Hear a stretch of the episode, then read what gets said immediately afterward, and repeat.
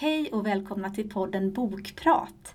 Vi som driver den heter Hanna. Och jag heter Lotta och vi jobbar som bibliotekarie på Jenny Nyströmskolan.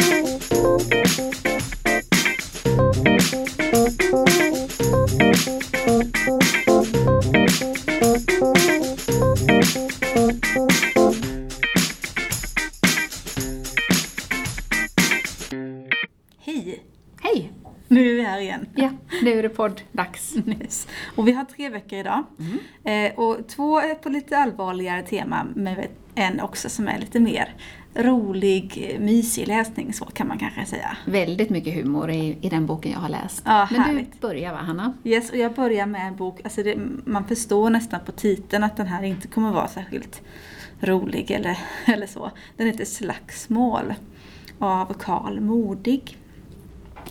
Och eh, det handlar om en kille som heter Conny. Han är väl i, ja men han kanske är 20-22 eller något sånt där. Eh, och i början av boken så förstår man att han, ja men han ser tillbaka på ett förhållande som rätt så nyligen har tagit slut. Han har varit ihop med den här tjejen som man inte får veta vad hon heter egentligen förrän precis i slutet. Eh, och Ja, alltså man förstår ju att eh, i början så är det som att han minns och det ser så väldigt fint ut det här förhållandet och att han Ja men att det är tomt efter henne helt enkelt. Eh, och allt eftersom boken fortsätter så får man sådana här små tillbakablickar till det här förhållandet, hur det började och hur det utvecklades. Och då förstår man, alltså man ser lite grann att den här tjejen är rätt så manipulativ. Hon använder sig av olika men härskartekniker, hon försöker kontrollera honom, hon vill veta vart han går hela tiden. Hon blir väldigt lätt svartsjuk. Och det säger hon i och för sig också att hon blir och sådär, men att hon använder det för att han ska säga upp vänskaper, inte träffa sina tjejkompisar och eh, ja, hon använder små knep för att ja, ändra på honom, kontrollera honom. Um, och det här är kanske någonting som man inte alltid läser så mycket om, att det är på det hållet så att säga. Att man tänker att destruktiva eller våldsamma förhållanden, då är det ofta en kvinna som blir utsatt av en man. Men här är det ju faktiskt så att vi får se hur det faktiskt blir ett våldsamt förhållande och ett manipulativt och kontrollerande förhållande. Um, och där han hela tiden får känna sig eh, men att han gör fel eller att han får hela tiden trippa runt henne och försöka känna av hur hon mår och så. Samtidigt som han ju då är kär och älskar henne och har ett, alltså det blir nästan ett behov av henne. Att, Reagerar han på det? Funderar han själv på att deras relation kanske inte är så sund? nej, inte under den tiden så att säga utan det är väl mer en utveckling att man, eh, man får se hur han, eh, vad ska man säga, han skäms rätt så mycket för detta. Eh, och jag, man kan ju tänka sig det att han att han känner att som man så ska inte han bli utsatt. Han är ju trots allt ändå, han är starkare än vad hon är. Han skulle kunna sådär. Men ändå så är det ju hon som är den psykiskt överlägsna om man säger så. Att hon utövar ju någon slags psykisk misshandel av honom och, och så. Men det lyckas liksom upp allt eftersom. Och det här är ju ett då-perspektiv men det finns också ett nu-perspektiv i boken. Och det är ju då när man vet att det här förhållandet är slut och han eh, försöker väl igen liksom återknyta kontakten till de vännerna han hade innan. Och då är det framförallt Ibrahim, en kille som han gick på gymnasiet tillsammans med. Eh, och sen är det en kille som heter Chirag eh, som har väl kommit till lite senare via Ibrahim och så då. Eh, och så finns det också någon som heter Jens. Men han är lite mer i marginalerna. Men Ibrahim och Chirag, de går ut och pubbar tillsammans, dricker och det blir en hel del drickande och det blir också för det är liksom själva röda tråden i den här boken, att det blir rätt så mycket slagsmål. Mhm. Att det finns rätt så mycket våld i de här killarnas liv och i deras alltså, känslor och att det är våld är ett sätt att uttrycka sig. Och har man något jobbigt i sig, som att det kommer fram att ja, en kille, han, hans kompis dog eh, i ett sammanhang och det är något som gör att han går omkring och är väldigt arg. Så att han har väldigt lätt och nära till våldet. Och, och så för Conny här då så känns det som att han behöver verkligen den här kontakten och att bli inkluderad och känna att han har de här vännerna. Och det medför att han får räkna med att han ska ställa upp och att han ska blir det slagsmål så ska han vara med och han ska backa upp sina kompisar. Men det är inte gängproblematik på det nej, sättet? Det är nej, inget utan, gäng utan nej. det är kompisgrupper och ja. att det blir, det kan bli, det kan ju vara att man är ute och man dricker lite för mycket, någon råkar stöta in i någon och det blir lite gnabb och sen eskalerar det till våld och det blir, ja. Och det återkommer liksom i, och i något annat sammanhang så är de på en fotbollsmatch. Eh, och det också eskalerar. Eh, det egna laget förlorar, det blir våldsamheter på vägen ut. Eh, och sådär. Så att det uppstår flera sådana situationer där det blir rätt så våldsamt. Och slutligen så är det så att, det, att eh, Conny själv blir så väldigt utsatt att han hamnar på sjukhus. Då. Mm. Eh, men det är två berättar, eller två tidsperspektiv kan man säga. Och det är just det här då-perspektivet med tillbakablickar till det här förhållandet med den här flickvännen och sen är det nu-perspektivet som präglas väldigt mycket av att försöka eh, få vara med, få eh, bli inkluderad men att det då kommer till ett väldigt våldsamt pris på något vis. Eh, jag tyckte att den här var riktigt jag tyckte den var väldigt bra. Den är satt som en ungdomsbok men jag tyckte nog att den var väldigt mogen för att vara en ungdomsbok. Ehm, jag skulle mer säga unga vuxna på den här. Eh, och jag tänker att det är som ett sånt... Jag tycker om att det berättar en historia man inte så ofta får höra. Mm. Nämligen att killar eh, är inte alltid de som utövar eh, våld eller eh, kontroll i ett förhållande utan det kan också vara tvärtom. Att tjejer utövar det över sina manliga partners. Eh, men också att det är att man ser en utveckling hos Conny och man får se att någonstans så börjar han liksom titta inåt och se vad är det jag behöver ta tag i eller vad är det som gör att jag mår så här. Um, så jag tycker ändå att man, ja, jag lite svårt att sätta ord på det men jag tyckte verkligen om den. Uh, kan sen, man ana att det finns ett, ett gott slut? Ja men jag tycker nog att det händer någonting under ja. historien uh, och jag tycker att han han får liksom syn på vilka av de här vännerna som han har, vilka, vilka är vänskaper värda att investera i och vilka kanske har haft, vilka har haft sin tid så att säga. Mm. Um, vilka är det som faktiskt finns där när man behöver dem och vilka, vilka ja, sticker när man behöver dem så att säga. Um, det blir väldigt tydligt för honom. Uh, så. så att ja, uh, en annorlunda historia uh, som har rätt så mycket våld och så i sig Eh, men jag tycker ändå att jag tycker inte den blir jobbig att läsa av det anledningen om man säger så. Den är aldrig så att den blir så brutal utan den är rätt bra berättad på något vis. Mm. Sen kanske den ibland känns lite långdragen. Det kunde dragits in lite grann på vissa delar tyckte jag. Um, så att det kanske inte är en sån man läser i ett streck för jag känner ibland att jag behövde pausa från den. Men ja, jag tyckte den var väldigt bra. En bra bok för unga vuxna helt enkelt. Då ska jag berätta om något som skiljer sig väldigt mycket då från din bok som heter Slagsmål. Det här är en bok skriven av Emmy Abrahamsson och boken heter Min pappa är snäll och min mamma är utlänning. Den är väldigt humoristisk eh, och jag, jag tror att alla som läser den kommer tycka det. Den har mm. liksom sådana igenkännande dråpliga händelser som man kan skratta åt. Sen kanske inte alla, eller väldigt få av oss, just upplever det som huvudpersonen i boken upplever. Hon heter Alicia och eh, hennes pappa är svensk och snäll, lugn och sansad och så och är en väldigt bifigur i boken.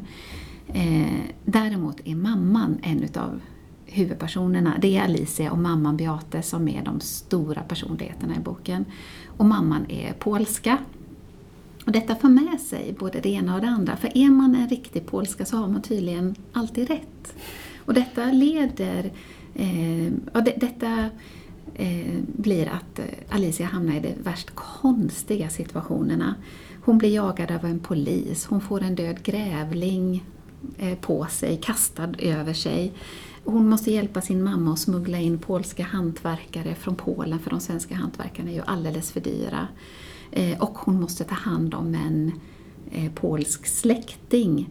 Eh, det är en moster med hennes barn så det är någon kusin då till Mm. Alicia. Så de åker ner till Polen och hämtar och, och till slut så tänker Alicia, ja men det, det kanske är bra, vi, vi får ta hand om varandra i släkten. Och hon ser nästan framför sig hur den här mostern kommer komma med huckle på huvudet och gråa kläder. De kommer se helt ja, utsvultna ut nästan. Så är inte alls fallet. Utan mostern kommer med kort skinnjacka, kedjerökande och geopardleggings. Eh, Men Alicia tvingas ta hand om den här kusinen som är några år yngre än henne. Eh, väldigt mycket i boken handlar just om den här tokiga familjen och mamman. Och eftersom mamman då alltid har rätt så tvingas Alicia göra väldigt mycket så konstiga saker hela tiden. Och då, för att komma ihåg det här så gör hon olika regler. Så då och då i boken så finns dessa reglerna. Det är liksom lite sådär reminder to myself. Ja, just det. Ja, så jag tänkte jag bara kunde läsa någon utav dem så får du se vad det är för någonting. Då är en regel till exempel så här. Acceptera att äldre och för omvärlden helt obekanta och förkastade huskurer från, Polen är bättre än alla vetenskapligt utprovade läkemedel som går att köpa på apoteket. För då har mamma då visat henne en huskur mot lite finnig eller lite så tonårshud. Mm. Någon annan regel är till exempel så här, och de är ganska roliga, de, är, de finns i hela boken. Acceptera att allt som kan kokas bör kokas så länge som möjligt. Och då är det mamma Beates kokkonst. Hon gräver gärna längst in i frysen, tar fram något paket som man inte vet vad det är, slänger det i en kastrull och sen kokar det och sen, Mm. ja, så blir det bra tycker hon. Den sista regeln som jag tänkte ta lyder så här. Ska vi se. Acceptera att fast Livsmedelsverket starkt rekommenderar att man inte äter möglig mat eftersom det kan leda till allergiska reaktioner, framkalla sjukdomar och i extrema fall till och med ge upphov till tumörer ska gamla mögliga ostar inte kastas bort utan istället användas till lasagnesås. Mm. Och Beates mamma vill ju gärna bjuda Alicias eh, vänner på middag hela tiden. Men Alicia vill ju bara vara en normal tonåring som inte sticker ut. Men ja, hela boken handlar väldigt mycket om, om, om den här relationen och eh, Alicias mamma. Men under eh, så finns det också liksom en annan historia om den här tonårstjejen Alicia och hennes två bästa kompisar som heter Nathalie och Tysta Marie. Ehm, och eh, hur, hur det är att vara kompisar, hur det är när två kompisar blir kära i samma pojke. Eh, och eh, det finns en viss klassproblematik kan man också säga för Alicia kommer ju från det här röriga, fallfärdiga huset där allting händer, allting går sönder, allt är tokigt, släktingen finns överallt, gömda polska hantverkare bor i garaget. Det, det är liksom verkligen sådär. Eh, Nathalie däremot bor i någon slags överklassfamilj. Det får man liksom vissa gnuttar av ett vackert hus med, de har lite städhjälp och allting är så perfekt hela tiden. Och medan tysta Marie kommer från ett hem med, eh, om det är pappan eller mamman, men med ett alkoholmissbruk i alla fall. Det tar inte upp så stor del av boken, men det finns där i alla fall. Så man får liksom en lite djupare, trots alla de här humoristiska förvecklingarna. Eh, jag, jag tycker boken var väldigt rolig. Alicia är runt 16 år, om jag, Mm. ungefär sådär. Så den passar ju Mm. när man är ungefär den åldern. Men jag tycker man har ganska god behållning av den även om man är äldre. Om man vill ha något lite roligt och lättläst. Ja, precis. Jag vet att när jag läste den så tittade jag faktiskt och skrattar. Jag kan Ja, inte hålla mig. man. Jag kan inte hålla mig från att skratta lite högt ibland för att Ja. jag, det blir så dråpligt och den här stackars Alicia som, ja dels så hamnar hon ju i så konstiga situationer på grund av sin, sin, sina polska släktingar. Men sen är det också det här lite kniviga som blir med den här killen som hon och en kompis båda är lite kära Mm. Ja. i. Ehm, Så att, ja, jag tyckte faktiskt att den var bitvis rätt så rolig. Men den är, och den, hon, hon skriver ju på ett sånt sätt så att den blir väldigt dråplig när hon Mm. berättar om de här händelserna och allt som händer. Och, eh, ja, nej men absolut. Min, min pappa är snäll och min mamma är utlänning. Slutligen då så har jag en bok som kanske kan sägas eh, ja, hackar i den första som eh, vi tog upp här, den här Slagsmål. Eh, för den här boken eh, heter Det enda jag kan göra är att gå. Och det är en självbiografisk bok kan man säga. Alltså den står ju som skönlitteratur men den är baserad på författarens egna erfarenheter. Hon heter Ulrika Jannet Kallenberg. Och här handlar det om en ung kvinna som man då får anta är författaren själv. Eh, men hennes namn framgår inte jättetydligt. Ehm, men hon träffar, direkt i början träffar hon en man. Det uppstår i något slags litet halvtumultaktigt i en stad i Tyskland så ser hon honom liksom genom en folkmängd om man säger så. De ser varandra och det uppstår liksom, alltså, ja sådana där som man verkligen låser fast ögonen i varandra och man ser någonting. Och det uppstår direkt en sån, eh, ja det här lite elektriska som kan uppstå mellan folk. Eh, I alla fall de träffas igen, det är som, de känner båda två att det är som att man har känt varandra mycket längre än de har. Eh, det känns så bra direkt. Eh, och hon berättar, hon, har så här, hon bor tillsammans med en tjejkompis, den här kvinnan. Eh, hon är svenska men hon bor i Tyskland. Eh, berätta för sin kompis där att, oh, men, och, och så här, hur det är och och att han är så snygg och att han är så fin och så snäll och sådär. Allt är verkligen jättefint i början. Men även i den här boken då så ser man hur olika saker smyger sig in i hur den här mannen beter sig. Små saker som han säger, det kan vara saker i stil med att eh, han tycker inte att hon ska titta på andra män. Eller eh, ja, att han tycker att han ska veta vad hon är eller hur hon ska ta sig till och från plugget där hon pluggar på universitetet och sådär. Så att det kryper in saker helt enkelt. Ehm, och man förstår att den här mannen han kommer ifrån han kommer inte från Tyskland, han kan inte tyska jättebra, hans engelska är väl okej. Okay, men han kommer från ett annat land, troligen flykting någonstans ifrån. Ehm, men han har ändå släktingar och så som också bor i Tyskland. Ehm, bland annat har han en bror. Brodern hade nog redan flyttat till USA faktiskt. Ehm, för eh, det visar sig att trots att han börjar utöva den här typen av lite kontroll och att han är också det här att han liksom backar. Eh, och det är också att han, tycker han att hon gör någonting fel så är det som att han distanserar sig så att hon får komma till honom. Eh, och sådär, så att hon får hela tiden, ja, det är svårt att förklara men man märker de där sakerna när man läser det att det här är ju ett sätt att kontrollera, det här är ju en slags härskarteknik eller så. Eh, I alla fall så blir det så att hon följer med honom till USA Eh, till, och de bor hos hans bror och, och mm, svägerska då. Eh, och brodern märker man att han reagerar väldigt mycket på hur den här mannen är mot henne. Eh, han säger ifrån och, och pratar med henne, behandlar dig väl och sådär. Han är väldigt mån om att, att, sådär, att ja, men, se till mig om det är någonting och sådär. Medan den här mannen då, eh, ja, han är bevisligen inte alls som sin bror kan man väl säga. Eh, den är lite speciellt berättad för att den är så, den är rätt så tydligt självbiografisk.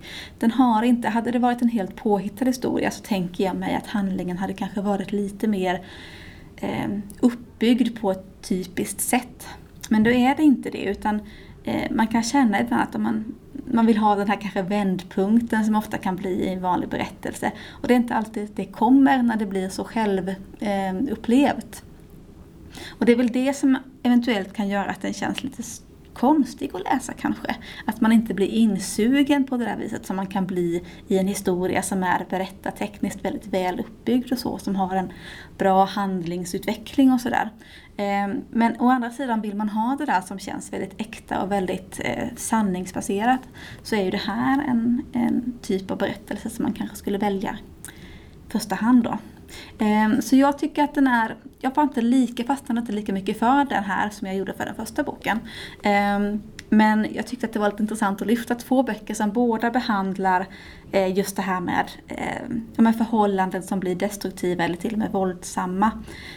Och hur personerna ja, tacklar det, bearbetar det, hur det påverkar dem psykiskt och sådär. Och då både från en killes perspektiv och en tjejs perspektiv. Så det blev väldigt mörkt den här gången kände jag. Nu pratar vi våld i relationer men vi måste ju prata om det också ibland. Ja, så är det ju faktiskt. Vi får se vad vi har nästa vecka och tipsa om. Ja, precis. Men vi hade ju lite feelgood, lite roligt också. Det var ja. bara att vi balanserade lite grann ja, här nu. det var bra. Ja. Men tills nästa gång. Ja, hej då!